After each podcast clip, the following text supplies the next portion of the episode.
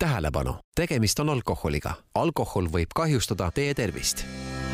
Metaxa ei ole konjak ega brändi, see on Metaxa, Kreeka kaupmehe Spyros Metaxa poolt tuhande kaheksasaja kaheksakümne kaheksandal aastal loodud joogi eripära seisneb viinamarja sortide valikus, muskaatveinides, roosiõite ekstraktis, viinamarja veinides destilleeritud ja viis kuni kolmkümmend aastat laagerdunud brändile lisatakse muskaatveine ja roosikroonlehtedest valmistatud ekstrakti sõltuvalt metaksa sordist. metaksa vanust loetakse tärnidega, mis on pudeli etiketile lisatud. metaksa sobib oma maheda ja magusa maitse tõttu nii meestele kui naistele ja on nauditav puhtalt, jääga või erinevates kokteilides.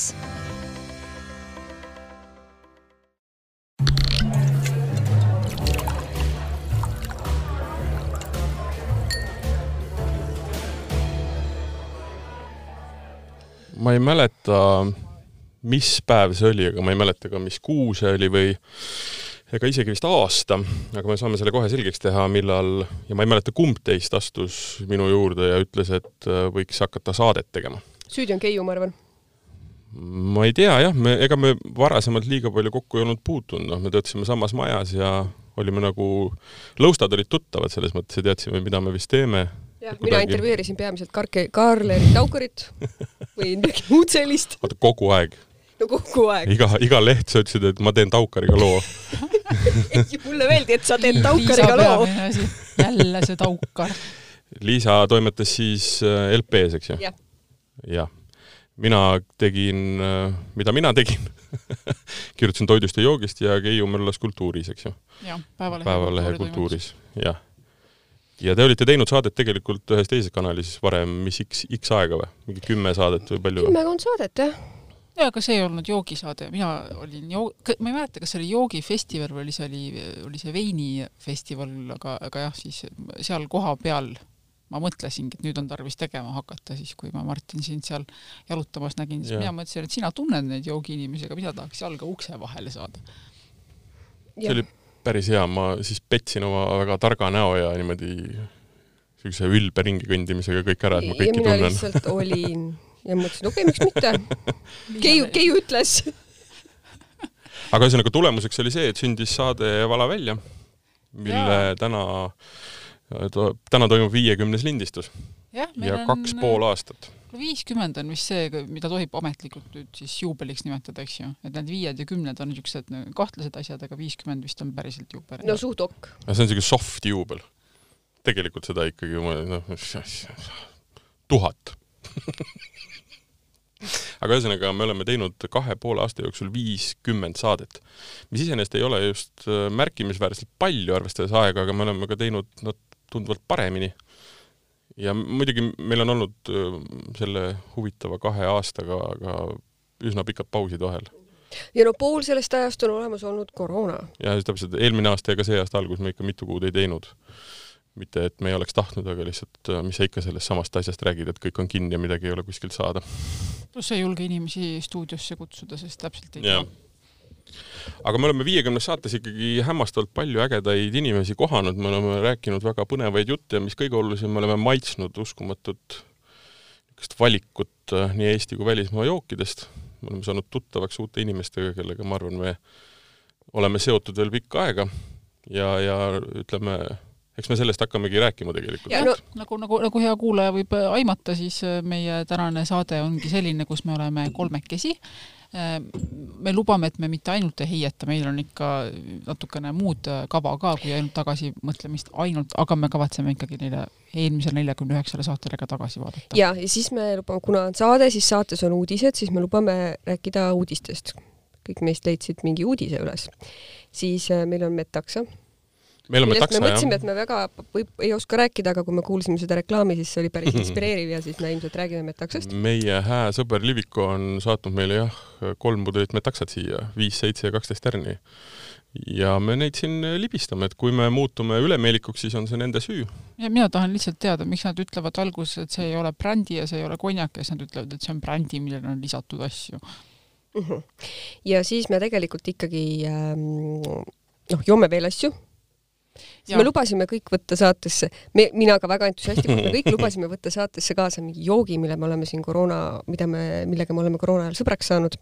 ma ei leidnud oma jooki poest üles. ma tunnen ennast hämmastavalt hästi, sest tavaliselt ütlen mina neid lauseid yes.. et ma ei leidnud seda või mul läks meelest või ai kurat, see jäi koju. minul ei ole jällegi päris täpselt tööülesandele eh, no ütleme niimoodi, et ma lahendasin tööülesande pisut teistmoodi, aga varsti te saate teada, kuidas. igatahes võimaldab see meil vaadata ka korraks tagasi ühele saatele. ja no ühesõnaga me, me natuke vaat-, meenutame põnevaid asju, mida me Jaa. oleme leidnud ja äkki keegi teine leiab ka siis nagu mõne põneva asja, mida võiks veel vaadata. Ega see võib-olla ei olnudki jah, oluline, et ta peaks olema seotud meie mõne saatega, aga pigem niisugune äge üllatus või mida tahad teisega jagada ehk meiega jagada. noh, ühesõnaga mingisugune mõnus maitse, millel on mingi lugu, millel on idee, miks, eks ju. ja siis me natukene jahume ka sellest, et mis on olnud võib-olla meie arvates niisugused ägedamad saated. ja siis nüüd ütleb küll selle seda ma ütlesin juba. kui, ahah, et kui ma viitsin, kui ma viitsin ja kui mul meeles on, siis ma võtan nendest ka mõned klipid, nii et äh, aga see selgub juba saatel- saate lõpuks, kas, kas Martinil pärast selle saate salvestust Kui te- äh, oli viitsinud. kui te Aga- Aga... saate lõpus jah, kuulete välja lõigatud klippe varasematest saadetest, siis ma viitsisin. kui ei kuule, siis siis kuulete veel seda Metaxa reklaami.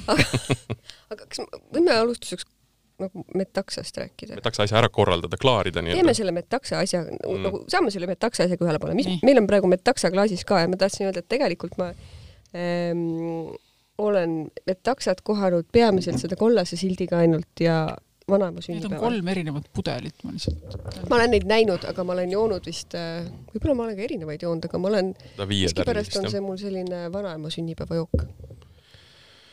jah. selle vanaema, kes paneb veini sisse suhkrut. tegelikult ei ole mu isiklik vanaema. tegemist on minu eksboyfriend'i vanaemaga, väga tore vanaema. ja miskipärast olen ma metaksat joonud tema sünnipäeval. Ähm, vastuseks Keiu küsimusele, et äh, miks nad ütlevad, et ei ole konjak ega brändi, on see, et äh, vaata, konjaki ja brändiga on see, et äh, võetakse vein, destilleeritakse, pistetakse vaati ja siis hakatakse seda pudelisse, pudelis müüma, eks ju. siis metaksaga on see pull, et nad lisavad siia igast nodi veel. lõpuks pannakse veel musk-, muskaatmarjast veini ja, ja ühesõnaga teda timmitakse nagu niisuguseks mahedamaks. aga seal alguses on ikkagi brändi. no kuidagi peab teda nimetama. okay., noh, nad hästi hoiavad seda, et neil ei ole ju eh, nii-öelda master distillerit või master distillerit ega master blenderit, vaid neil on Metaxa master, noh ühesõnaga. sa tead liiga palju Metaxa Ma-. sest pean- ma kirjutasin artiklit sellest just. oi-oi, ma tahtsin öelda, et äh, minu esimene emotsioon, kui Martin Kallas metaksa välja oli, nuusutan klaasi ja mõtlen, miks ma seda siin, miks, miks ma seda teen, aga miskipärast nüüd kolmanda lonksu järel äh, läheb päris hästi. ta on kergelt magus ja ta on siidine. Midagi ei ole öelda, noh, tal on Kuule. nagu sihuke, issand jumal küll, sa oled liiga palju kirjutanud sellest. metaksa? mul Ei, on oma klaas. vaata, see on, ma, ma ütlesin enne eetriväliselt ka vist seda, et äh, ma ei mõtle Metaxale mitte kunagi, kui ma mõtlen, et ma tahaks midagi juua. ta lihtsalt ei registreeru. aga mul ei ole ühtegi halba mälestust sellega ka. mälestusi on üldse? Juba nelja, mäletad sa midagi pärast metaksat? neljakümnenda eluaasta eel on see juba omaette, ütleme nii-öelda väärtus, et sul ei ole mingi asjaga halba mälestust meil on kolm erinevat pudelit siin, ma arvan, et äh, on võimalik, et meil ei ole ka sellest saatest mitte ühtegi mälestust. hiljem või? aga siis on ka vabandus, miks näiteks ei ole neid väljalõikeid selle saate lõpus. super, kuule, egas midagi, alustame siis uudistevooruga. mina, mina alustan. oota, me jahusime nüüd ära, alustame Jaa. nüüd äh, ilusti Äh. uuesti.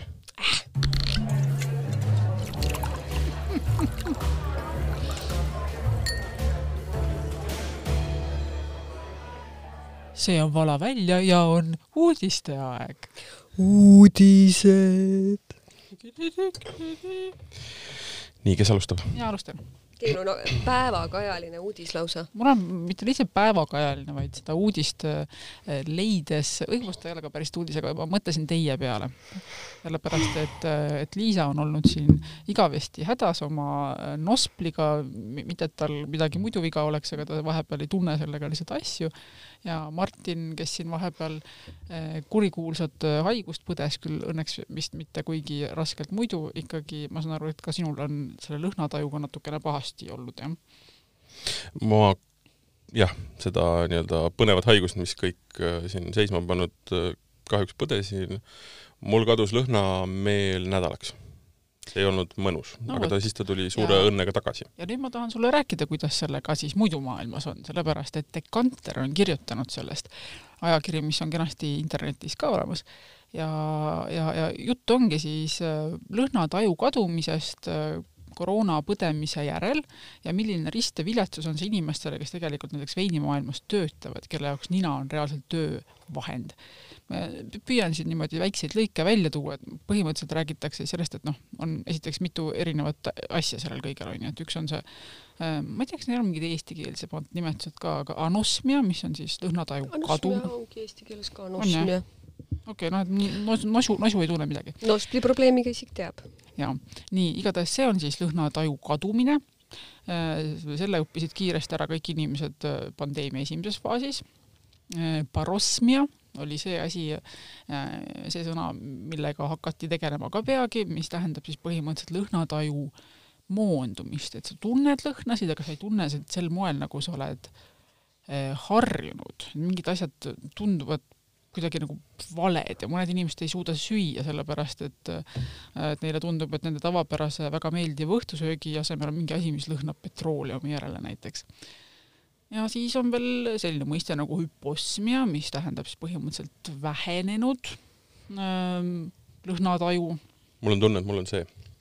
vot nii, ja praeguseks numbreid on natukene ka äh, seoses koroonaga, öeldakse et, et kuuskümmend protsenti inimestest, kes on koroonat põdenud, neil on probleemid äh, lõhnataju ja maitsmismeelega, kümme protsenti ähm, vist siis neist kuuekümnest omakorda kannatavad sellise pikemaajalise lõhnataju kadumise all, mis tähendab siis kuskil üle kaheksa nädala Mhm.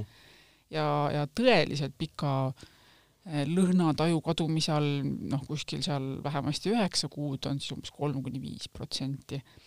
Nii et võite ise ette kujutada, et noh, kui sa juhtud olema siis mingisugune veini õppejõud või midagi taolist ja mida see tähendab, et selles artiklis siis inimesed natukene kirjeldavad ka, et ega midagi üle ei jäägi, et et põhimõtteliselt bluffid siis tundidest läbi ja vaatad, et on Pinot Noir ja siis nagu umbes kujutad ette, mis see Pinot Noir seal ikkagi võiks olla ja siis ei räägi, et tegelikult tunned hoopis äh, mingi vanade sokkide lõhna, onju mis võib olla ka mõne teise veini lõhn, aga võib-olla mitte konkreetselt selle Pinot Noiri, mis sul parajasti käes on.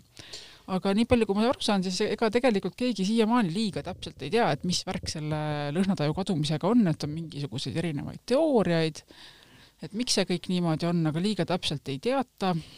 Põhjuseid ega ka ravi, aga kõige lähem asi sellele nii-öelda ravile on siis põhimõtteliselt asjade nuusutamine, et põhimõtteliselt võta ette tuttavad lõhnad, tuttavad tugevad lõhnad ja lihtsalt nuusi neid järjepidevalt. ja noh, loomulikult on niisugused targemad ja inimesed juba kiiresti teinud sellest äri ja siis eh, noh, saad ikka mingi neljakümne dollari eest endale kuskilt väljamaalt tellida mingisuguse nelja lõhnaga asja. kusjuures see tuttavate asjade nuuskimine on asi, mida mina olen teinud selleks, et äh, lõhnataju paika kalibreerida, sellepärast et mis, mis on minu see lõputu, ka siin saates olles see lõputu äng on olnud see, kui, kui mul tõepoolest vahepeal äh, lõhnameel jukerdab.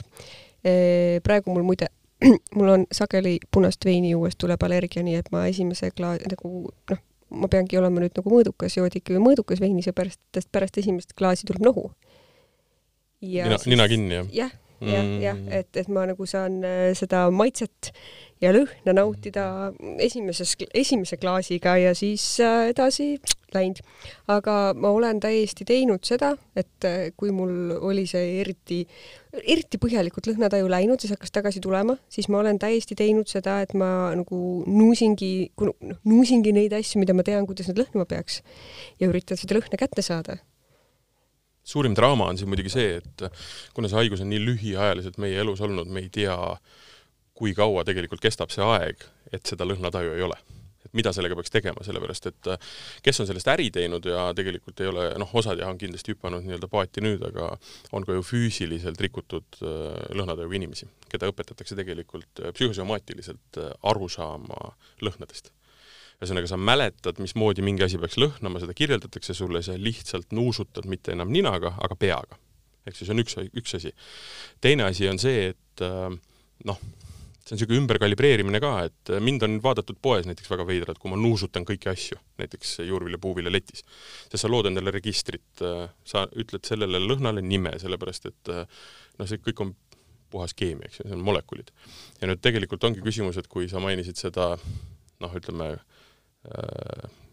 noh, et lõhnataju on saanud mingisuguse uue keerme, et kõik asjad ei paista enam nii, nagu nad vanasti olid, mis tegelikult minu puhul on natukene, siis seda registrit on vaja lihtsalt hakata uuesti looma.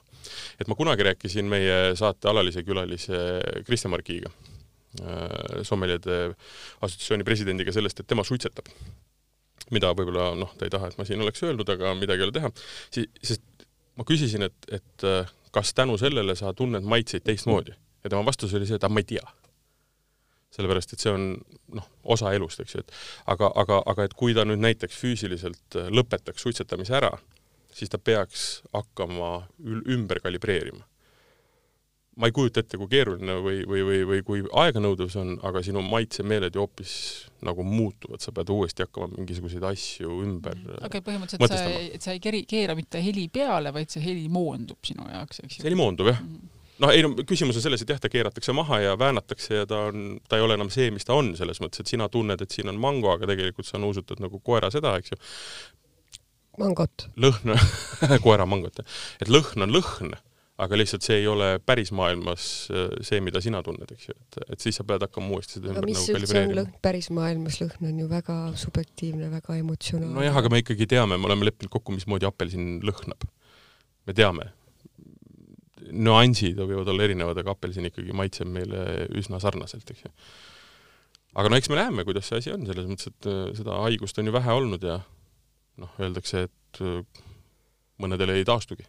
sest ma ütlen ausalt, et minul taastus tõesti nädalaga, aga mul kodustel on siiamaani nagu probleeme ja mul on olnud kogu aeg kahtlusi, et kui mul ka oleks koroona olnud, siis nagu kui mul oleks kerge koroona olnud, siis nagu nende põhisümptomite peal poleks ma sellest ilmselt kunagi teada saanud. aga samas, mis on hästi oluline, ja mis on äge, ütleme, kui positiivselt tahta vaadata, siis näiteks ma omal kodus äh, prouale olen suutnud äh, ja ta ise isegi küsib seda äh,, hakanud tegema väga vürtsikaid toite, mis mulle endale meeldivad, aga teda, temale kunagi ei ole istunud. ühesõnaga, see on see pluss, mis, mis see on see, mida sa saad siis, kui sul naisel läheb maitsemeel ära. jah ta läheb kurjemaks, aga sa saad süüa kodus vürtsikaid toite, mis siiamaani ei ole maitsnud. ja saad kala teha kodus, sellepärast et siis ka ei ole, noh, ei öelda, et kuule, et see kala lõhnab kala moodi, vaid et see on kala, hää. järgmine uudis, palun. järgmine uudis. mina, mul see uudis jäi mul silma millalgi eelmisel nädalal aga, ja minu jaoks oli see täitsa värske, kuigi selgus, et toode on, toode on ennast tutvustanud varemgi ja tegemist on siis äh, äh Tšernobõli metsakohinaga. ma tõlgiks seda nii, sest tegemist on tootega, mis äh, väidab, et ta on niisugune rõõmus moonshine ja see on aatomikuviin äh,. kas see helendab pimedas? sellega on niisugune lugu, et see jõudis uudistesse sellepärast, et äh, Inglismaale pidanud aatomiku-partii äh, võeti Ukrainas kinni mingil põhjusel ei lastud seda edasi. aga tegemist sa ei lugenud sellist... artiklit järelikult, mina küll tean, miks ei lastud. ise pakkusid selle uudise ja nüüd ei lugenud läbi. selles ringis, mille ma panin, ei olnud põhjust tegelikult oli, sa võib-olla scrollisid sellest kiiresti mööda. rääkige see... nüüd sellest loost. ma räägin nüüd loo räägi loo ära, siis ma, jah. lugu on selline, et on olemas selline asi, mis reklaamib ennast kui Chernobyl Spirit Company inglise keeles, neil on väga põhjalik ingliskeelne veebileht ja ilmselt nad ongi nagu rohkem ingliskeelsele turule suunatud võib-olla, aga tegemist on sellise UK ja Ukraina ühisprojektiga ja, ja plaan on selline, et äh, vaadata, kas siis Tšernobõli äh, tuumakatastroofi tsooni läheduses kasvavast kraamist annab ka miskit teha. ja see miskit, mida nemad teevad, on kärakas. on äh, siis äh, proovitud viljaga ja nüüd on tegemist siis äh, õunapuškariga, mida taheti UK-sse viia ja, ja noh, ühesõnaga ja nende siis äh, aga nende laar, mis pidi UK-sse minema, võeti kinni äh,, süüdistati neid selles, et äh,, et neil on seal maksumärgi probleem. aga noh, väidetavalt see ei ole, miks ma ütlen, et ei olnud nagu põhjust, et tegelikult, tegelikult nad nagu need tüübid, kellele, kelle kärakaga tegemist on, väitsid, et seal ei, ei olegi seda maksumärki vaja, see läheb UK turule. ühesõnaga, neil on seal mõningad probleemid omavahel ei, miks ma, ma hakkasin mõtlema seda või miks ma reageerisin, oli see, et äh, kinni ei võetud mitte sellepärast, et on Tšernobõli viin, ehk et võiks, helendada ja siis äh, aga olla ebaselge, mille pärast kinni mõõta, aga radioaktiivne, aga küsimus oli jah, nii-öelda maksumärgid, põhjus oli maksumärgid, eks ju. nojah, väideti põhjus on maksumärgid. no reaalne põhjus oli see, et kedagi oli vaja määrida. võimalik, võimalik, tahaks ju ka proovida, aga igal juhul mulle jäi see silma, sellepärast et äh, tundub ju niisugune huvitav mõte vaadata, et kas siis äh, seal on ümbruses ju väga palju, väga palju ruumi iseenesest. Ja vaadata, et kuidas siis õnnestub sealt äh, seda kuidagi kasutada. Ja nemad väidetavalt on siis täitsa, et see kärakas ei ole radioaktiivne. Ma saan aru, see ei ole, selles mõttes ta on jah, ütleme meie saates mõttes kõik on oluline. kõik on radioaktiivne, aga ja, ja. kõik, mis maailmas on, mingil määral, aga, aga, Aga see kärakas ei ole kuidagi ohtlik ja projekt, mida nad teevad, ei ole ainult viina, vaid see on erinevate kultuuride kasvatamise ja selle tulemuse saamise nagu uurimiseks. just, et uurida, kas Jah. selle, selles siis nagu eh, tuumaõnnetuse tsooni läheduses, kas seal annab midagi teha, Mhm. kas selle, seda annab kuidagi kasutada, kas seda annab kuidagi parandada? Ja väidetavalt nad ka siis kui nad sealt tulu saavad, siis seda tulu suunaksid tagasi. aga ühesõnaga selline kaunis eh, käsitöökäraka projekt, mis on Kas- ühtlasi keskkonnaprojekt. kas sealt tuli välja ka, kui kaugel nad sellest reaktorist kasvatavad neid õunu? issand, sest see on ka tegelikult ikkagi oluline. sest ma lugesin äh, nad ei ole selles esmases eh, nagu Ja, ja. otse, otse vahetus läheduses nagunii, see on seal eemal, aga see ala, mis on piiratud, on ju suur. selles mõttes, et ma kujutan ette, et äh, selle Tšernobõli tehase vahetus läheduses on niisugused arbuusisuurused õunad kasvavad. Neil on seal no see oleks ilus. aga ma lugesin Tšernobõli raamatut, väga kihvti viimast äh, siin kunagi, ma arvan, veebruarikuus, siis seal oli juttu, miks ma seda nii-öelda kaugust küsin, on see, et kui lõpuks siis mitu päeva hiljem Pripjatist hakati inimesi nii-öelda siis välja viima, siis nad viidi kõigepealt erinevatesse majapidamistesse ja peredesse kolmekümne kilomeetri kaugusele. siis selgus, et see ei ole piisav. võeti kaasa need inimesed, kes olid sinna peredesse viidud ja ka pererahvas ja viidi veel kolmkümmend kilomeetrit kaugemale. siis selgus, et ka see ei ole piisav. võeti kaasa need, kes sinna olid viidud ja siis need eelmised, kes olid sinna viidud ja ka see pererahvas ja viidi nad kõik minema. nii et ühesõnaga, seal oli mingi selline lugu, et ühtesid inimesi tuumatrioška. põhimõtteliselt neid inimesi neid inimesi võeti vähemvõimuga, kes olid ja need vahed olid mingisugused siuksed, kus inimesed olid juba tööle läinud ja mingi nat-, noh, mitte juuri hakanud nagu kasvatama, aga neil oli juba mingisugune nagu, mingisugune stabiilsus, võeti nad uuesti kaasa ja viidi minema, nii et osasid inimesi viidi viis korda. siuke küüditamine, see selleks. aga jah, ühesõnaga tundus kaunis uudis ja pealegi tuletas see meelde seda, et äh, viimane reis enne, viimane reis, mis mul oli enne koroonat, suurem reis oli tegelikult üks niisugune põhjalik Ukraina tuur, kuhu kuulus juurde palju meeldivat kärakat ja pekki. Ukraina on väga vinku, soovitan minna, noh, Kiiev, Lviv, minu absoluutne lemmiklinn, Odessa, minge, seal saab kõvasti nalja. inkust ja pekist. Jah, vinku ja pekk.. vinku kui vinge, pekk kui pekk täitsa pekkis kui vinku. mm.. Ukrainas on europikk ja seal antakse väga hästi süüa ja juua ja inimesed on toredad, minge tahaks reisida. uh,. uudis kolm, sina? mina jah. ma lappasin läbi erinevaid uudiseid ja ma nii siukseid uh, vingeid uudiseid ei leidnud.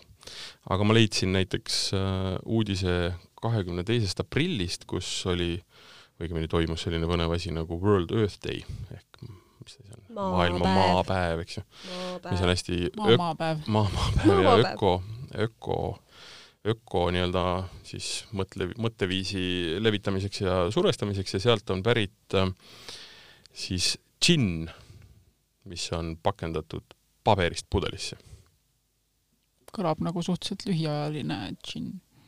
äh,. Ma arvasin ka, et see on niisugune džinn, et paned pudelisse ja siis pead ruttu jooksma kellegi laua peale, sellepärast et muidu hakkab tilkuma. A4 volditud. nagu siis, kui piimapakk on läinud paberist äh, poekotti laiali ja sellega tuleb kiiresti koju joosta, muidu on põhi läinud. aga ei, see on ähm, pudel, mis on viis korda kergem kui nende klaasist pudel, aga kasutab seitsekümmend seitse protsenti vähem plastikut. mis tähendab seda, et plastikut seal ikkagi on mingil määral. aga et see niisugune rohepesu. Äh, no ei noh, samas kui paned lennukisse, siis on ikkagi kõvasti no, vähem massi. no just, aga seitsekümmend seitse protsenti ka füüsilist äh, kasutust vähem on ka ikka väga oluline. okei okay,, nad on väike nii-öelda Surrey's Inglismaal ol, olev destilleerimiskeskus või, või nii-öelda džinnitootja, siis väga suuri mahte nad ei, ei ole välja andnud, aga aga pudel maksab äh, kolmkümmend naela, mis meil siis on, kurat, nael ei ole väga heas hinnas praegu, eks ta mingi kolmkümmend viis eurtsi on, eks ju Green Man Woodland Gin, ilus roheline pudel. ma ei kujuta ette, noh, ma, ma, ma, ma ei tea.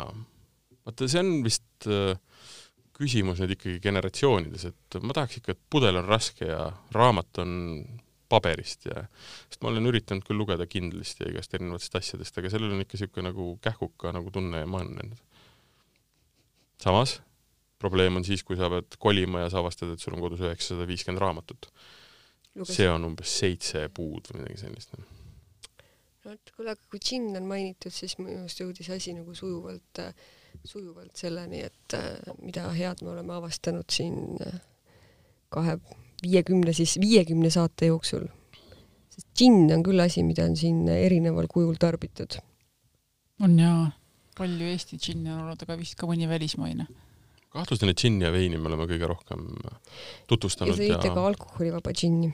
jaa, mis, mis ei ole vist džinni. isegi päriselt nii väga džinn, kuivõrd mingi Destillaat. muu asi, aga, aga siiski, aga siiski. aga džinn on üldse selline tore asi, džinni ma kindlasti ei jooks ilma saateta ka, aga lihtsalt äh, tänu sellele saatele olen ma ikkagi, ütleme, et oluliselt julgemalt hakanud vaatama nende riiulite poole, kus on mingisuguste mm. uute Eesti tootjate džinnid, aga muidugi ka muud joogid ja mina olen sa... aru saanud, et neid võib juua tegelikult ikkagi natukene ka paljalt, mina ikkagi varem arvasin, et see on ainult tooniku värk.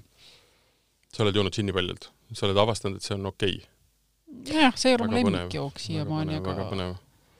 mina džinni ikka paljalt ei suuda ükskõik mis asendis ta on, ta ei ole ikkagi palju ka Impeeriumil on minu meelest, kas on, on, ka see, kes teeb seda rabarberi gaasi? jaa, maitsed siin rabarberi džinn, jah. jaa, minu meelest see on väga nunnu siis, kui teda niimoodi mm -hmm, mm -hmm. rüübata omaette. ja, ja noh, puritaanid ütlevad, et see on ka nii-öelda pühaduse teotamine, ta on maitsed külge džinnile antud, eks ju. kas äh, mingisugune jook mida me oleme siin saates joonud, on äh, leidnud äh, koha ka püsivalt teie kodus mul ei ole vist niivõrd otseselt, kuivõrd kaudselt need äh, seosed.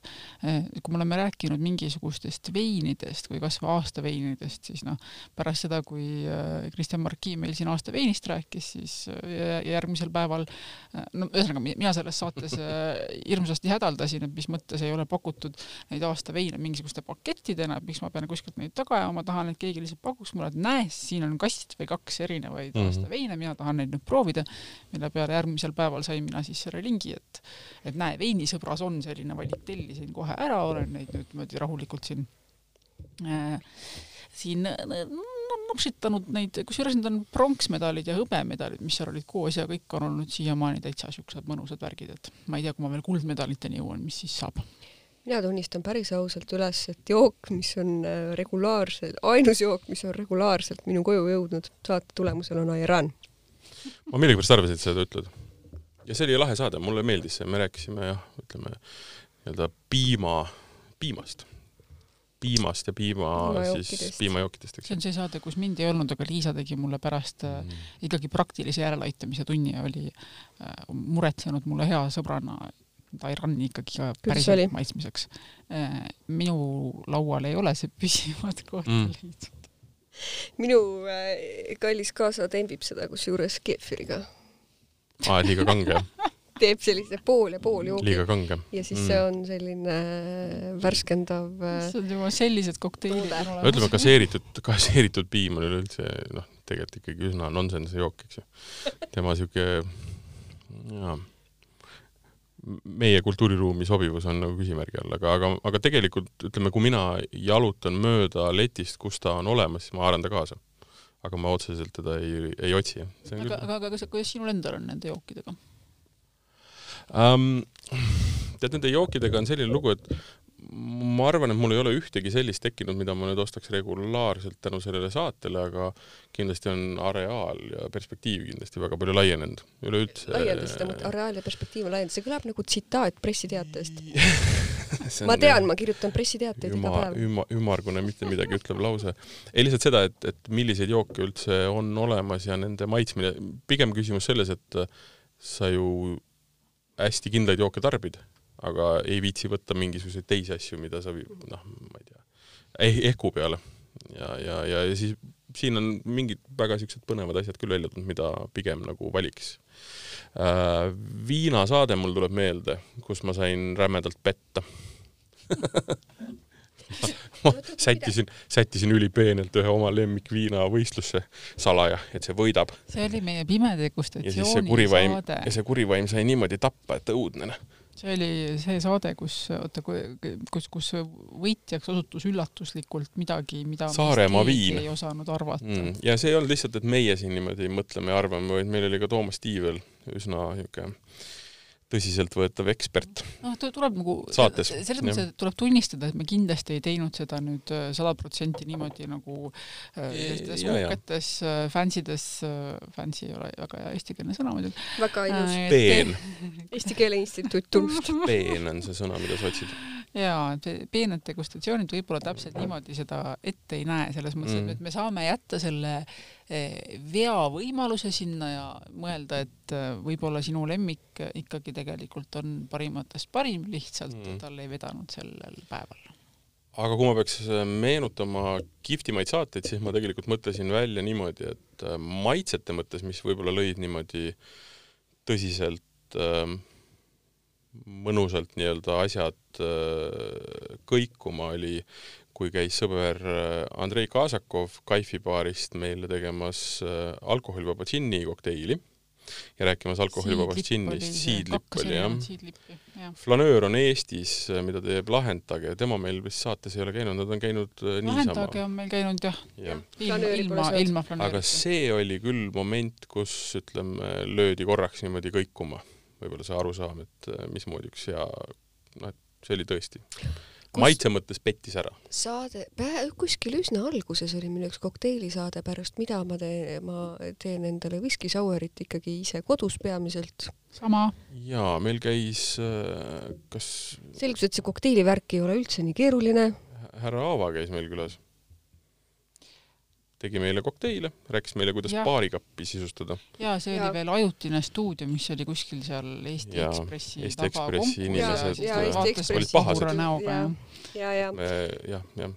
aga siis mul tuli meelde maitse mõttes äh, ei olnud üsna, üsna hiline saade tegelikult, kui käis äh, no ma ütlen vahele ka, see oli kümnes saade Kodune baarikapp ehk millest kokteili joomist alustada, et kui nüüd inimesed tahavad järele kuulata. me paneme kirja selle kõik. ja minu äh, kodusele baarikapile avaldas see saade tõepoolest mõju see oli väga hea, see oli väga praktiline saade, ma arvan, me peaksime neid praktilisi saateid võib-olla veel rohkem ja. tegema. ma ütlen siinkohal välja võib-olla nii-öelda reklaami mõttes, et meil tegelikult on üks mõte. ja see on küll jah, võib-olla veiniga rohkem seotud, et me tahaks hakata teilt õpetama marjade, marjade keelt tundma. jah, ma usun, usun, et saame sellest juba, juba peagi lähemalt ja. rääkida. ja mulle kuuluks see väga ääres, ütlengi, et veini, veinivärk on üldse ka see, et ja, nagu ma olen nagu inimesest, kes on muidu öelnud lihtsalt noh, vein meeldib, jõudnud ikka sellesse ka, et vein meeldib ja veits vaatan ka muid parameetreid peale selle, et lihtsalt meeldib.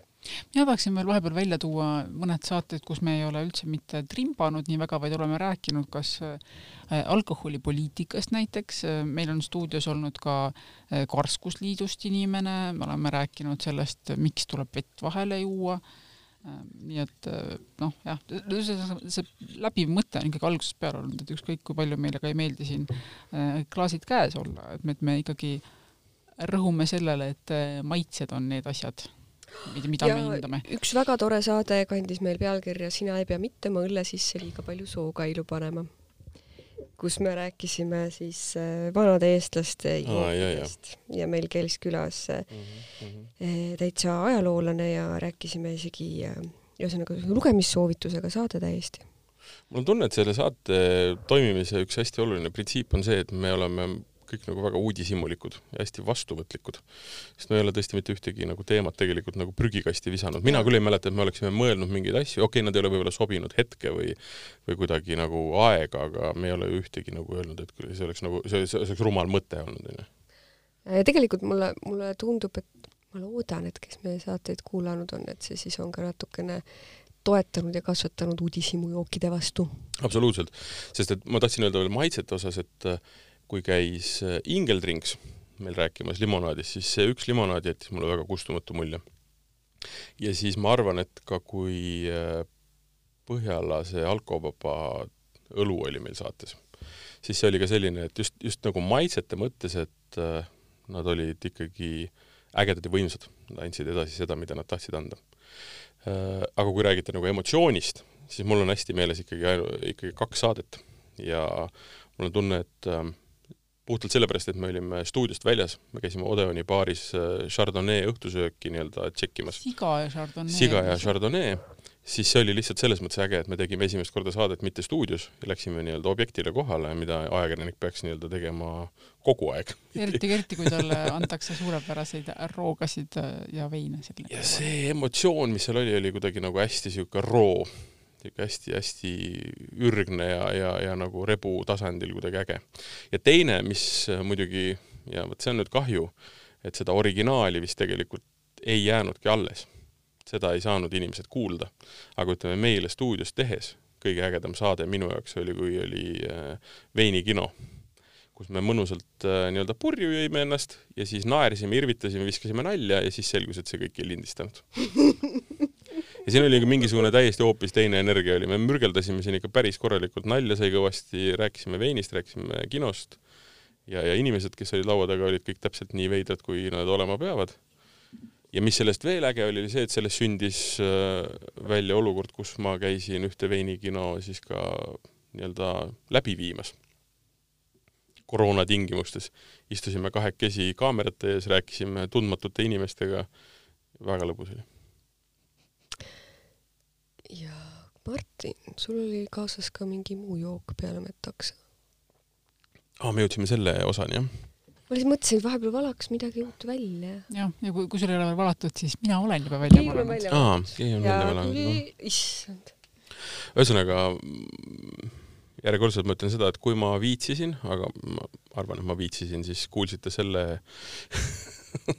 jutu vahele klippe nendest saadetest, mida me mainisime aga nüüd siis ma saan aru, kolmas osa.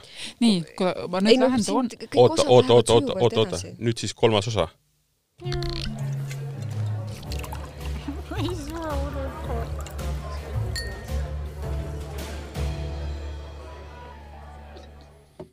kolmas osa tähendab meil siis seda, et äh, igaüks meist, välja, arvatud üks, on kaasa toonud ühe põneva joogi. kaks kolmandikku meist. kaks kolmandikku meist. ja me teeme. õige dokk-protsent, noh. pimetesti. ehk et äh, mõte ei ole mitte selles, et üksteist nagu üle trumbata, aga lihtsalt kuidagi nagu ilmselt, aga samas ilmselt on ka ega natukene on jah. natuke petta ja siis viriseda ja pärast näidata näpuga, et loll, eks ju.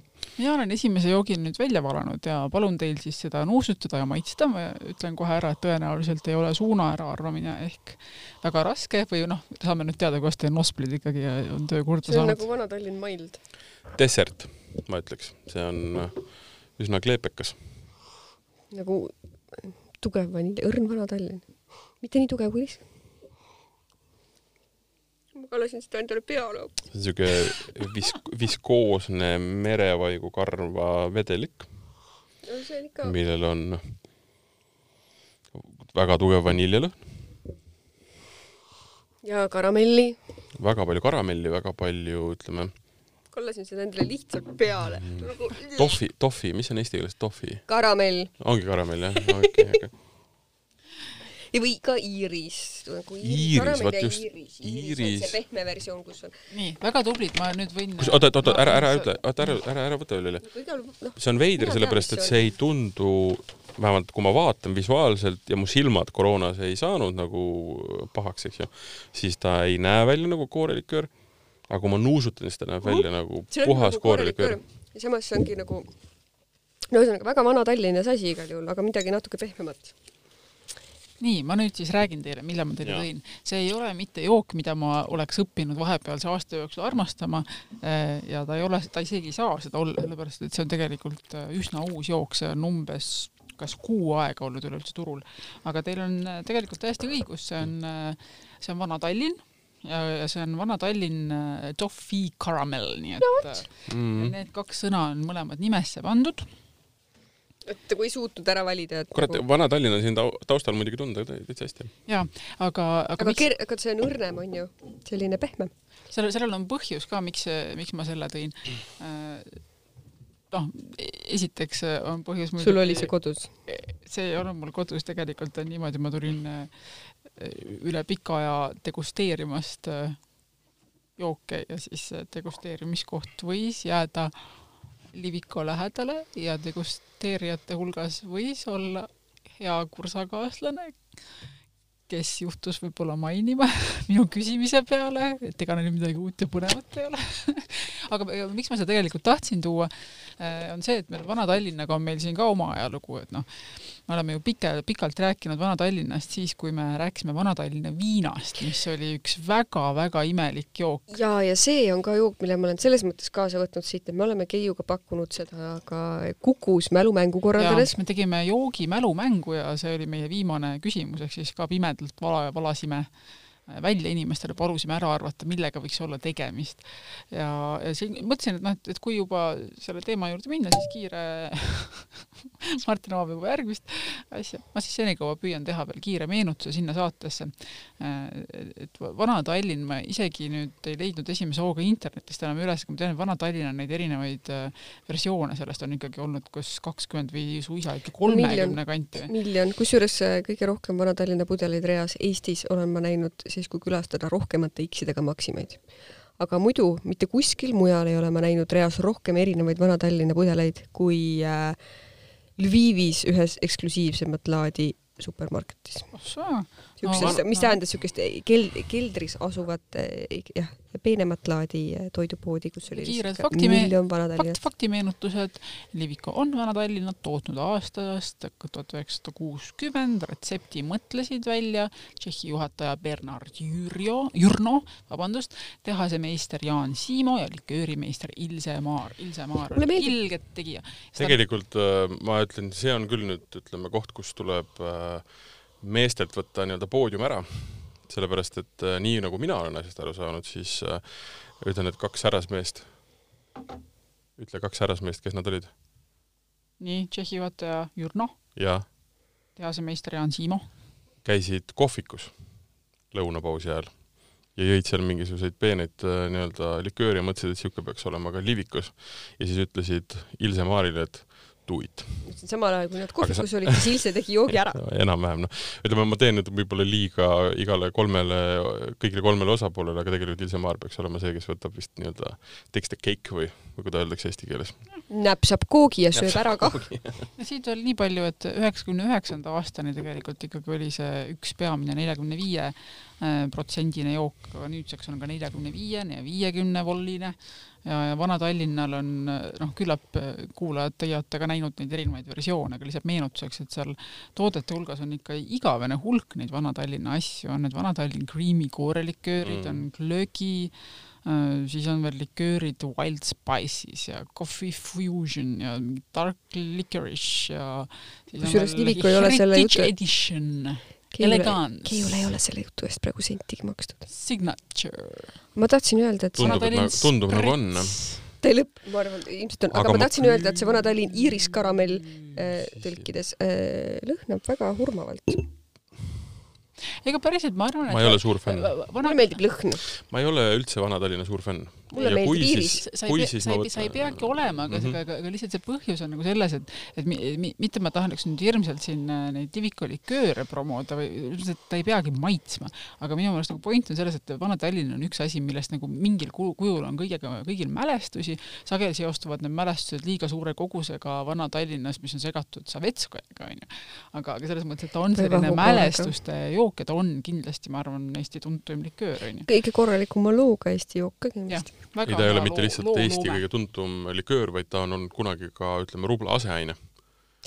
mingil hetkel võeti teda igale poole kaasa ja sellega osteti, ütleme, kardaani, kui see läks kasti, katki kuskil Kesk-Euroopa, Kesk-Euroopas, Kesk-Aasias äh, mõnes nii-öelda peenes äh, stanis ja, Ja ja, ja, ja viidi igale poole külla. ja tegelikult Ja- ei vii me seda ju tänapäeval ka mitte ainult itta minnes kaasa, ei, no ikkagi ju, kui ma võtan kaasa nagu mingi Eesti asja, mida Jaa, nagu poetada kellelegi, kelle juures ma ööbin, siis eh, on Vana-Tallinn. Minu elus oli kolm-neli aastat äh, olukorda, kus ma olin Eesti Rugbyliidu peasekretär ja kõik välissõidud, kus me käisime või ka kodused võistlused, äh, Vana-Tallinn oli see, mida me kinkisime. ja mingil hetkel ma mäletan hästi, kas see oli Norras äkki mingisugusel kolmandal võistlusel ja meil ei olnud vist aega osta Vana-Tallinnat kaasa. ja siis sellest tekkis probleem, sellepärast kõik ootasid, et me toome uued pudelid Vana-Tallinnat neile ühesõnaga, see on loomulikult staarjook, Eesti absoluutne staarjook ja, ja ma tahaks, et seda turundataks nagu veel ägedamalt ja see oleks nagu see jook, mida kõik tegelikult tahavad igale poole kaasa võtta ja viia, sest et noh, see on tõesti üks, üks nendest äh, väga pikkadest, väga pikkadest nii-öelda ajalooga joogidest, mis meil üldse olemas, eks ju, on. Minu lõpuks minu lemmikmälestusi ka, ma arvan, ma olen seda ka maininud juba eh, Vana-Tallinna viina saates, aga eh, kuna Tartu aastad, Tartus elatud aastad on mulle hirmus armsad ja ma loodan, et ma kunagi Tartusse ikkagi otsaga tagasi jõuan, siis äh, Genialistide klubis, mis toona vist veel ei olnud see alumine korrus Möku nime all, nüüd ta on Möku baar vist. aga siis seal ikka toimetas leti taga Allan Ant, kellele meeldis äh, tol, tollal juua seda tavalist äh, Vana-Tallinnat ja kõrvale piima, hiljem vist keefirit. ja see oli väga tore sinna alati minna, lihtsalt ütlesid üks Allan ja siis toodigi see vana, Vana-Tallinna kõrvale umbes nii pool klaasikest külma piima. super! kes ei ole proovinud, soovitan, võtke pits, valage sinna pool Vana-Tallinnat ja siis pool keefiri või siis ülejäänud pool äh, konkreetselt samal hetkel pressitud sidrunimahla ja te avastate, et Vana-Tallinn on üks kihvtimaid jooke. no vot selle tohvi Oota, s- karamelliga ma saan aru, nad alles hakkavad katsetama, et mismoodi see kõige paremini kokteilidesse võiks sobida. Eesti asja tuleb toetada.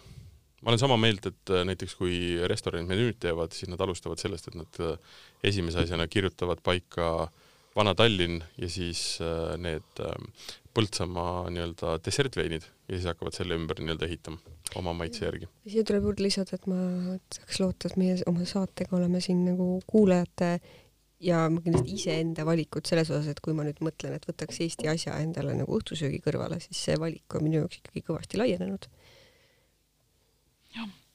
Kingituste areaal kindlasti meie sõpradele kaasa viia. jaa, Ehm, räägi, Liisa, mis joogi sa tahtsid kaasa võtta? ma tahtsin tuua teile tahtsin tuua teile tegelikult minu, see on siis äh, sarjast äh, tegelikult nagu koroona ajal avastatud asi mina võin saan nüüd Pühastet reklaamida. Mm. mul on tekkinud tartlased, ja ja Pühastet, Pühaste Eero, Lauri. Mulle meeldivad väga Pühaste toredad erinevad hapud õlled, kusjuures nii väga, et ma praegu ei taha enam ühtegi haput õlut juua, sest mul oli kodus neid terve kast e,. aga avastasin Pühaste limonaadid Mm. ja neil on väga tore ploomilimonaad. ja miks ma seda oleks tahtnud tuua? Seda on, on jube raske tuua tõepoolest, sest seda on väga üksikutes poodides. Ma tegelikult olen olnud isegi väga üllatunud, et ma selle poest leidsin, sest minu koju tuli see kastina, kastis pühastest koos õllega olemas Pühaste Tarmo, aitäh Pühaste Tarmo e, ma tegelikult täitsa kogemata, mulle see kast Pühaste õlut ja limpsi tuli niimoodi kogemata, sest ma võitsin, mida inimesed koroona ajal teevad, on ju, suhtlevad internetis ja siis mõtlevad erinevaid asju internetis välja ja siis äh, minu äh, kallid sõbrad-tuttavad, terve selline suur kirev seltskond, kes on koondunud kohta nimega Mudaaugu talu, kui keegi Mudaaugu talust kuulab joogisaadet mingil põhjusel, siis tervitan. ja mina ka, mina ei ole midagi võitnud nende käest. ma nagu, no meil oli üks konkurss, kus me valisime pilt, parimat pilti, kus kellelgi on mingid parimad objektid. asi väljas või? ei, mis asi väljas. mina võitsin. mis asjad sul väljas olid suured objektid. Thanks.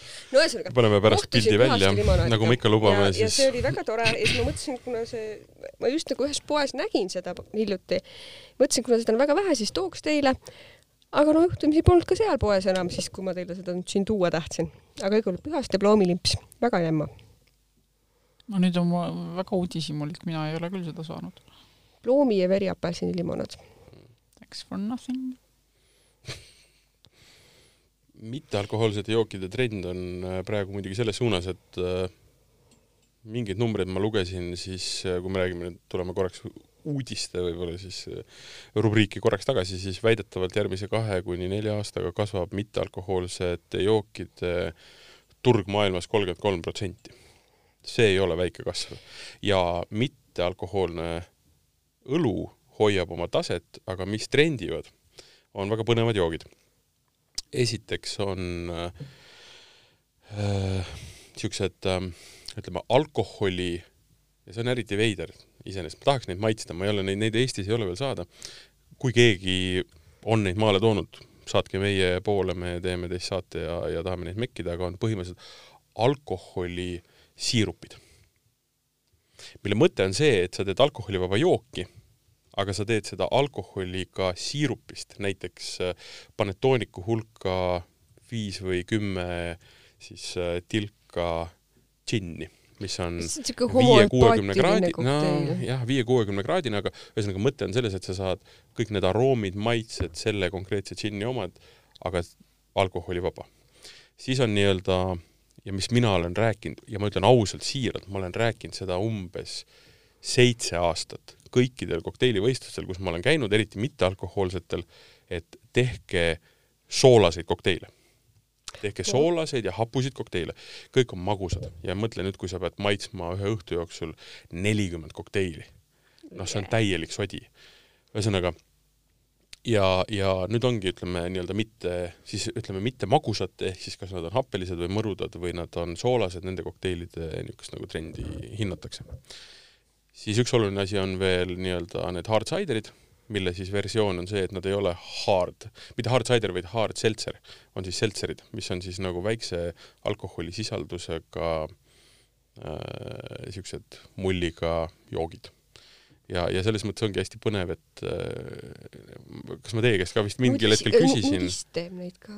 ja, ja, ja aga mi, kas ma millalgi küsisin seda, et, et on olemas uus termin nagu nolodrinks jep, jep. ehk no alcohol or low alcohol drinks, et äh, ei ole enam küsimus ainult, et peaks olema no alcohol, aga see on nii ilus nimi, selle võiks omale lapsele panna. Nolo või et ühesõnaga, et seal Nolo. on hästi Pepe, Lolo ja Nolo. et ma arvan, et see mittealkohoolne trend võtab selles mõttes veel erinevates nagu aspektides siukse hoopis teistsugused tiivad äh, ja hoopis teistsugused jalad alla.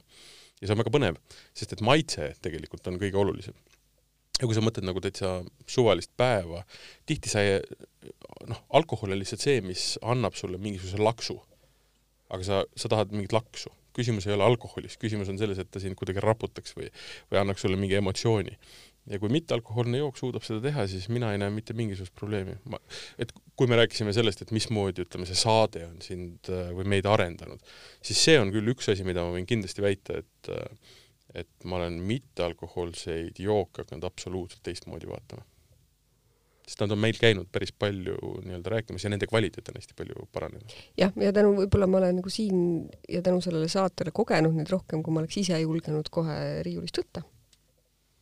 Sellega on jälle nagu, nagu kõikide joogi- ja söögimaailma puutuvate asjadega, kui sul on millegi juures nagu lugu juures, siis see muutub kohe huvitavamaks ja, ja, ja minu jaoks mõjutab see maitset ka, ei ole nii, et ainult ainult maitse puhtalt või rõhn puhtalt, ahaa, lõhn. et loo taga on inimesed. jah. No Need inimesed, minu arust meil ei ole saates käinud küll ühtegi inimest, kellega oleks niisugune tunne, et no, enam ei viitsiks linksi, aga... kutsuda või ei ole olnud ühtegi inimest, kes ei tahaks, keda ei tahaks enam siia üritan meenutada, kas on mõni ahv olnud, ei ole, ei ole, ei nad vahvid Keiu vaatas mulle otsa. see, see oli küsiv pilk, kas sulle tuleb keegi ka meelde, mitte pilk, et nojah, kõik välja arvatud Liisa oleks nagu okei okay, tagasi kutsuda. no jaa, Martin, mis joogi sa välja kallasid, me nüüd saame maitsta? Ma võtsin kaasa ühe joogi ja selle joogi ütleme, põhjus, miks ma selle kaasa võtsin, oli kaks. esiteks on see, et see on nagu natuke minu kandist ja teiseks on see, et see on üks väga põnev jook. ja võtke, maitske. ühesõnaga, see on, ma olen, arvan, ma arvan, et kes on meie saadet natukenegi rohkem kui ühe korra või veerand korda kuulanud, teavad seda, et ma olen pärit Tartust. ja ma olen selles mõttes et ma olen äh, elanud Tallinnas küll pikka aega, aga, aga ma olen ikkagi Ladina-Eesti inimene. selles mõttes, et Ladina-Eestis tehakse asju natuke teistmoodi. seal on inimesed natukene sulnimad ja neil on nagu natukene mõnusamalt nii-öelda, ei ole nii strikt. no aga mina olen Ladina-Eestist ja Keiu on seal õnneks elanud. See on täpselt sama. ma arvan, et see on ka põhjus, miks meil keemia on okei okay.. ja mul on, olgu, et ma olen Tartust pärit, mul on maakodu Kääriku kandis vanaisa ostis selle sinna kuuekümne teisel aastal ja see jook tuleb sealt üsna lähedalt. ütleme niimoodi, mitte ütleme paarikümne kilomeetri raadiuses.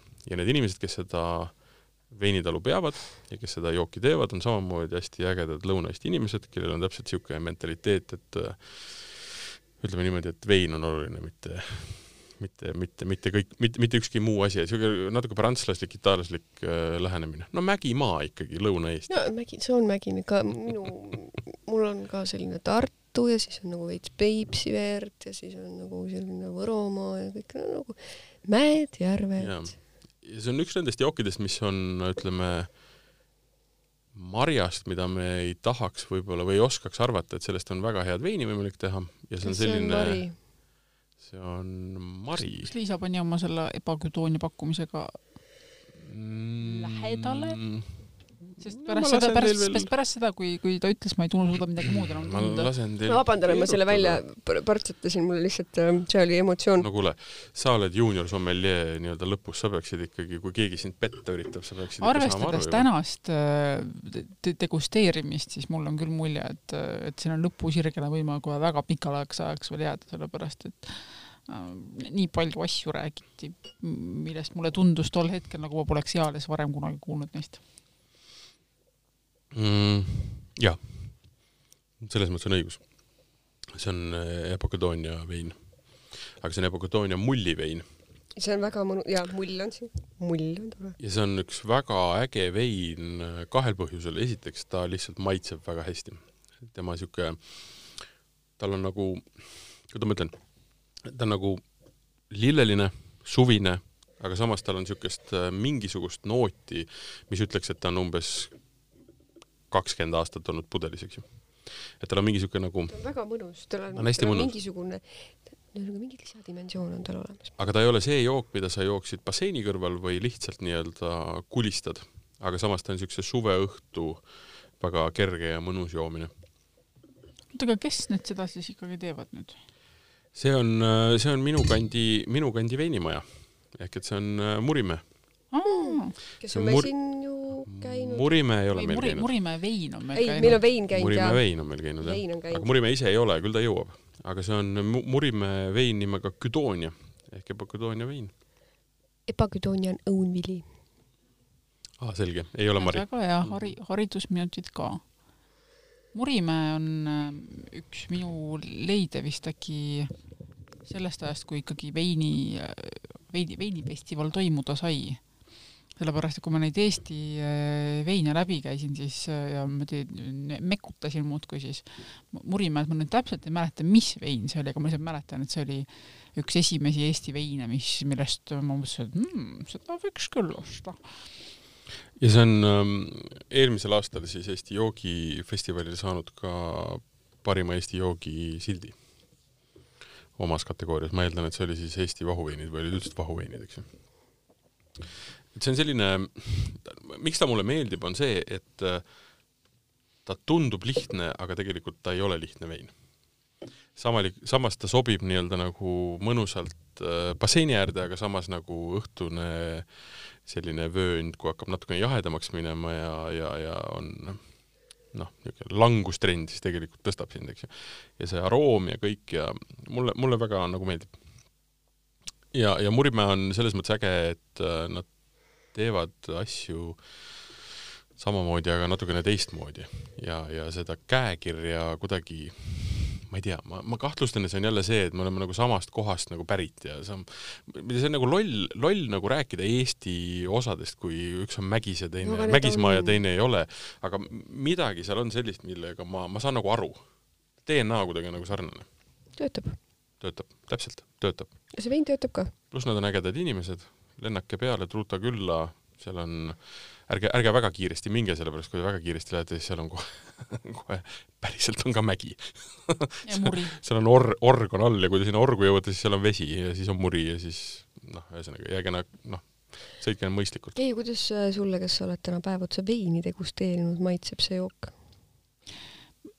Ma siin mõtlesin, et minu jaoks on siiamaani ikkagi Eesti veinid tegelikult selles mõttes jäänud eraldi kategooriaks, et ma mõtlen neist kogu aeg kui Eesti veini kohta või Eesti veini kontekstis, aga kui ma tahan õhtul lihtsalt omaenda rõõmuks, mitte mingi uue huvitava asja teadasaamiseks, vaid lihtsalt puhtaks rõõmuks veini osta, siis ma lähen ikkagi poodi viinamarja veini järele. ja ma lähen ikkagi poodi viina järele seda juhtub mõnikord väga harva, siis ka mitte, siis on seal ikkagi mingisugune tähtsündmus, kus on tarvis viinasokid. ei, siis on pudel viina, siis on sõber, mina kaks pitsi, purk hapukurki ja mere ääres istumine, see sobib selleks juhtumiks.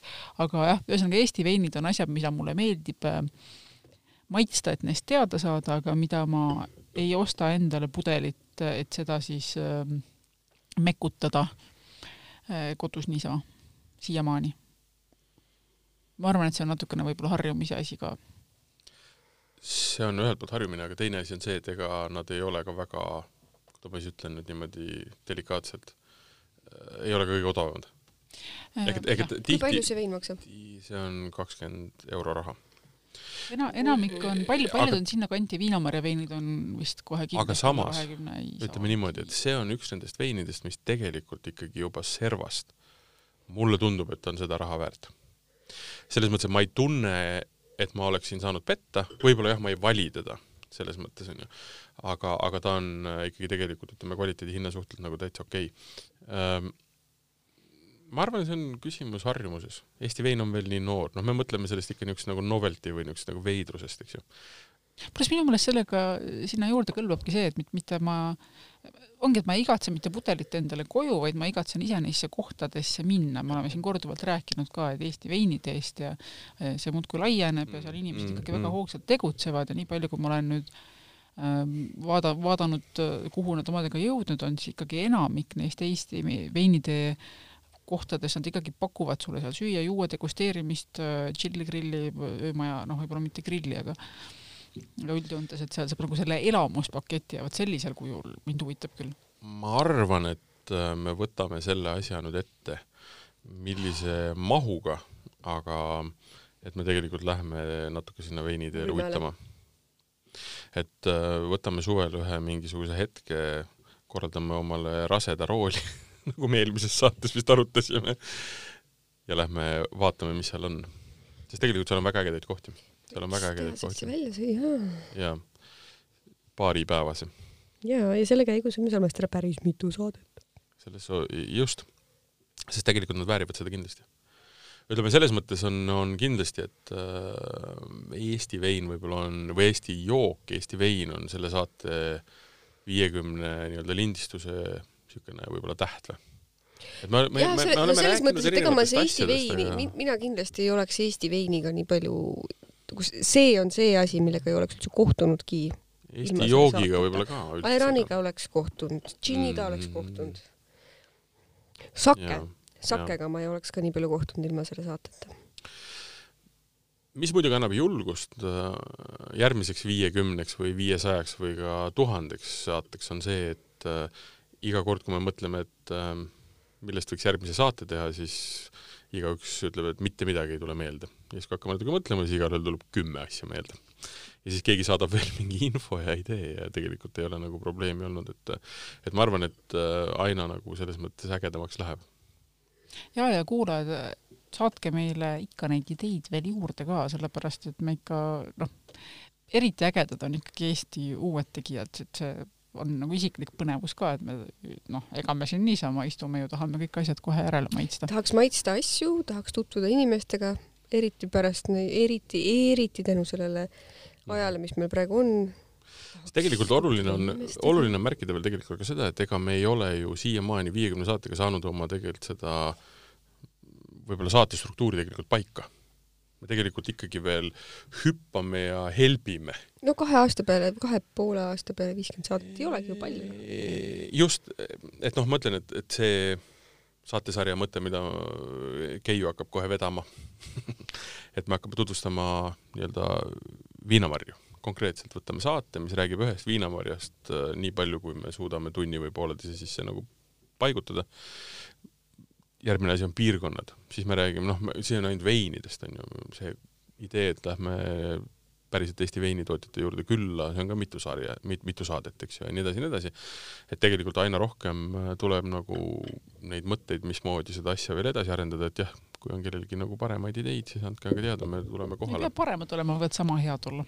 ma võin veini küsimuse küsida selle peale. küsi palun. me päris alguses tegime ju siin mälumängu värksi ja siis äh, see on nüüd selline puhas taaskasutus sellest, kuidas me Keiuga tegime kunagi mullu oktoobris kukkus toidumängu, toidujoogi teemalist mälumängu ja siis äh, see seostub mõtete teemadega, mis meil saatest läbi käinud on ka äh, kunagi olevat üks äh, Prantsuse kuningas, kaheksateistkümnenda sajandi Prantsuse kuningas, ühe mitte-Prantsuse veinipiirkonna kohta öelnud, et see on vinum regum rex vinorum ehk siis kuningate vein, veinide kuningas.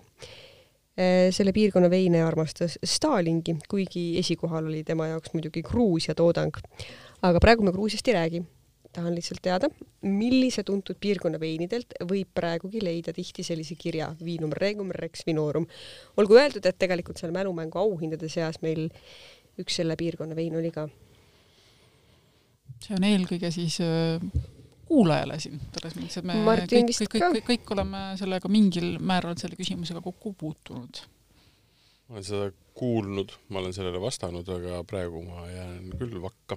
mõtleme, no me võime lähtuda sellest, millest me oleme siin ka rääkinud, Stalinile meeldis magus vein. Stalinile meeldis magus vein, Stalin üritas teha ju nii-öelda täiesti oma šampanjat Nõukogude Liidus. sellest me oleme siin sellest rääkinud ja, ja ma isegi tegelikult avasin ühe uudise selle kohta ja mõtlesin, et see ei, see ei toimi. see ei ole uudis aa, ma tean, mis uudis see on. aga, aga pakume siis selle vein, veinipiirkond Ida-Euroopa, pigem nagu Ida, Ida-Euroopa, kuulus vein, kuulus veinipiirkond. ka Nõukogude ajal siin kuulus. Äh, Moldova või no see on see koht, mille kohta nagu räägitakse anekdooti, et vaata, kui soome-ugrilased hakkasid tulema kuskilt mm. tuuritest, siis need olid need ainsad targad soome-ugrilased, kes läksid sinnapoole, kus viit näitas, et on soe päike ja viinamarjad. Odessa kant või? ei, soome-ugrilased. aa, Madžaarid. Rumeenia. Ungari. Ungari, Ungari. nii, aga piirkond? jaa me oleme siin tarbinud erinevaid jooke juba piisavalt palju, et et takso jätab siin nagu ka Ungari on väga põnev piirkond, sellest võiks rääkida veel umbes kaks nii, saadet. nii, Ungari, aga täpsemalt tuntud. Tokai. muidugi Tokai mm.. Tokai, Tokai, Tokai. Tokai veini õnnestus mul ka ühest päris hästi varustatud poest leida ainult kaks erinevat toona muide mm. -hmm. sellega on natuke segane ka, et see, see fraas kuningate vein, veinide kuningas, et seda omistatakse kordamööda nii palju, kui vähemalt internet väidab. no tavaliselt vein on kuningas. jah, nii Louis neljateistkümnendale kui Louis viieteistkümnendale ja viimasel juhul olevat ta nii öelnud oma armukesele Madame de Pompadourile, kui ta seda veini kallas no täpselt nii palju, kui on olnud valitsejaid, täpselt nii palju on olnud äh, erinevaid reegleid, erinevaid ideid, kuidas äh, alkoholi panna maitsma nii, nagu nemad tahavad ja olema kuulus nii, nagu nemad tahavad, et džinni tootjad äh, ju vaidlevad siiamaani, et kust see pärit on. kas see tuleb madalmaadest või see on brittide käest.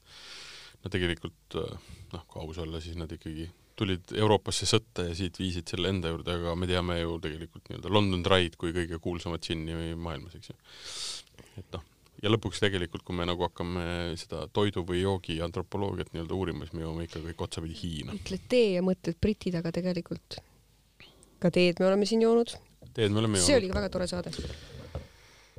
teesaade oli väga äge jah, kohvi me oleme joonud, vett me jõime. veesaade tuleks uus teha, mulle tundub, see oli siin meie teine saade ja noh, annaks teha. see oli päris alguses jaa ma ütlen ausalt, et äh, mi, ma, jooke oleks tegelikult rohkem, kui me suudame saateid teha. ja mina olen seda meelt, et pigem hoidagi nagu niisugust mõnusat joont. minu arust jooks jookidega ei ole sama lugu nagu, nagu raamatutega, et nii palju tahaks ja nii vähe on aega. elus üldse, ma mõtlen. Sulle peaga on raamatut aega. keeruline lugeda. on küll. Filosoofide joogid on siin laual ikkagi. seeba kui toon ja vein. no vot siis, aga no tõmba, tõmbame kokku selle ma tunnen, me oleme jäänud jommi. heietame muuhulgas ka kahtlaselt. ühe asja, mida me muidugi õppisime, oli see, et me teeme saateid jutti. alustasime me kunagi sellega, et me tegime intervjuu, sellepärast et me ei tahtnud külalist kuidagi hoida enda lora sees. Ja siis äh, saated said sellised, et me tulime, alustasime juua täis peaga, sest et me tegime sissejuhatuse lõpus ja siis äkki me olime uuesti kained ja hakkasime niimoodi sujuvalt ajas uuesti juua täis jääma aga kui järjest saadet teha, siis seda muret nüüd küll ei ole. aga samas, see on hästi huvitav küsimus. ma ei saa ikkagi lõpetada. minu käest on küsitud, aga samas on see tekitanud, ma küsin teie käest nüüd, et mida, mis me peaksime tegema? me tegime kunagi saate, kus meil oli Urvo Ugandi ja meil oli Tiina Kuuler. me rääkisime veinist ja me salvestasime kaks pool tundi, sest veini oli palju, inimesed olid ägedad, kõik rääkisid äh, meeletutes kogustes kaks pool tundi, eks ju. siis äh, hiljem, kui ma olin äh, ühel veinifestivalil, siis äh, kohalikud nii-öelda kärakatootjad rääkisid seda, et see oli väga hea saade, sellega oli võimalik sõita kas Tartust Tallinnasse või Tallinnast Tartusse, aga probleem oli see, et ta oli natuke liiga pikk. Nad pidid natukene autos istuma, enne kui nad läksid siis kuhugi, kuhu neil oli vaja minna, sest see oli kaks pool tundi. tund tähendab seda, et äh, sellega jõuda Paidesse ainult. minul on küsimus, et kas me peaksime tegema uuringu, kes meid kuulab ja selle järgi tegema siis äh, pikkuse äkki tõesti inimesed kuulavad meid Tartu-Tallinn tee peal. Martin üritab siin välja pressida seda, et talle kirjutaks võib-olla. kas või üks inimene, et saade võiks kesta kaks ja pool tundi ja siis, siis saaks me lihtsalt istumegi siin kahe poole ei, tunnistes saades aga võib-olla kirjutatakse meile, et ma tahan ainult koseni saada ja me teeme kakskümmend kaks minutit Oh! Fine, ideaalne. korraga lindistame kolm saadet kui juba stuudio on kinni pandud. ja see oli meie viiekümnes saade. Juhuu. mm, Tarbige alkoholi- tarbige alkoholi vastutustundlikult ja meie järgmised viiskümmend saadet on täiesti veidratel uutel teemadel. kui kellelgi on mõnusaid ideid, saatke meile. ja mis, mis see meie aadress oligi? www, aa, sa mõtled seda aadressi? vala.delfi.ee. ja meil on Facebook ka vala välja. mina olin Martin. Keiu. Liisa.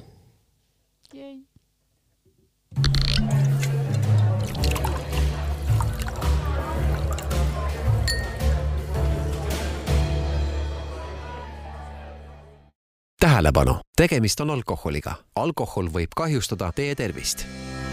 Metaxa ei ole konjak ega brändi, see on Metaxa, Kreeka kaupmehe Spyros Metaxa poolt tuhande kaheksasaja kaheksakümne kaheksandal aastal loodud joogi eripära seisneb viinamarja sortide valikus, muskaatveinides, roosiõite ekstraktis, viinamarja veinides destilleeritud ja viis kuni kolmkümmend aastat laagerdunud brändile lisatakse muskaatveine ja roosikroonlehtedest valmistatud ekstrakti sõltuvalt Metaxa sordist. Metaxa vanust loetakse tärnidega, mis on pudeli etiketile lisatud. Metaxa sobib oma maheda ja magusa maitse tõttu nii meestele kui naistele ja on nauditav puhtalt, jääga või erinevates kokteilides